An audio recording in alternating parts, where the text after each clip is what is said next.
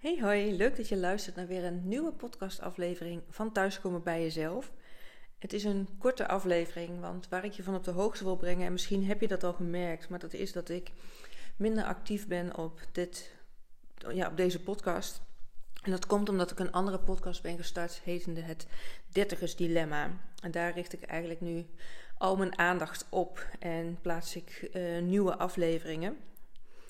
Mocht je nou me blijven willen volgen, blijven willen horen, switch dan vooral over naar de podcast Dertigers Dilemma. Ook te horen op Spotify en Apple Podcast. En ja, het kan best zijn dat ik hier wel wat afleveringen nog plaats, maar voorlopig in ieder geval niet, omdat het uh, nou ja, in die zin wat te intensief wordt om het beide bij te houden.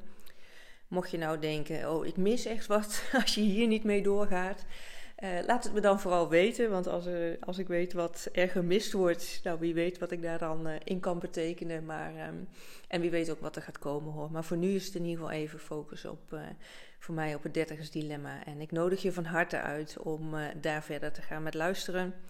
En anders dan, ehm, nou ja, hoor ik je graag als je het daadwerkelijk mist om op deze het thuiskomen bij jezelf verder te gaan. Stuur me dan een mailtje naar info.sbkl.nl of laat het me weten via een DM op Instagram.